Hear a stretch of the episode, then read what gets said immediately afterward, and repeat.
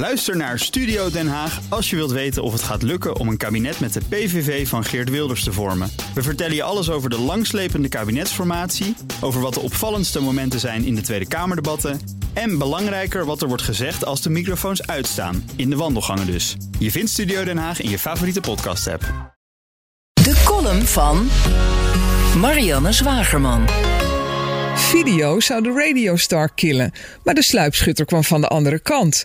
Voor het eerst sinds het ontstaan van de prijs in 1966 kreeg niet een omroep, maar een krantenzilveren reismicrofoon voor het beste radioprogramma uitgereikt. NRC ging er met de radioprijs vandoor voor de podcast van de krant. Dat de juryvoorzitter in diezelfde krant stukjes schrijft over radio is natuurlijk klein bier. In een land waar zittende ministers overstappen naar lobbyclubs. Dus laten we daar niet achterdochtig over doen.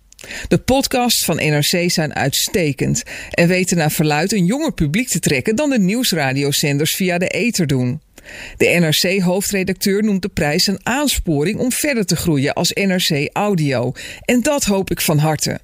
Niet alleen NRC maakt interessante podcasts, ook bij de Telegraaf en de Volkskrant worden pareltjes gemaakt die ik niet graag mis.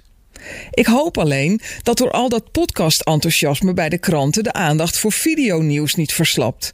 Bij DPG, moederbedrijf van onder meer de Volkskrant, Nu.nl en het AD, is vorige week een nieuwe directeur video aangenomen.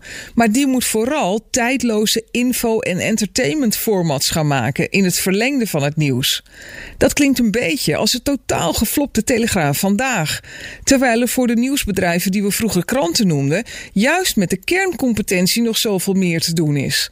Nederland is nu al een week in de ban van de lezing van Sigrid Kaag op het podium van EW Magazine, het vroegere Elsevier, dat als enige opinieblad nog een oplage heeft die iets voorstelt.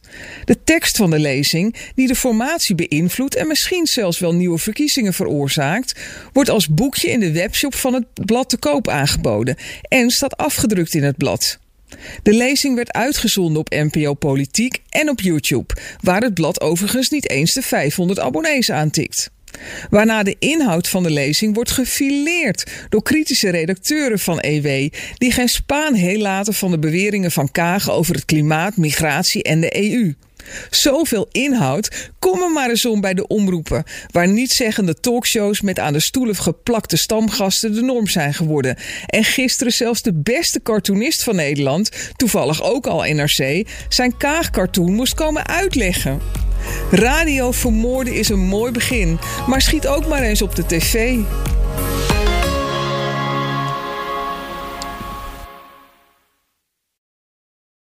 Ook Diana Matroos vind je in de BNR-app. Ja, inderdaad. Je kunt live naar mij luisteren tijdens de Big Five. Ook handig in de BNR-app. Breaking nieuwsmeldingen, maar ook het allerlaatste zakelijke nieuws. En je vindt in de app alle BNR-podcasts, waaronder Wetenschap Vandaag. Download nu de gratis BNR-app en blijf scherp.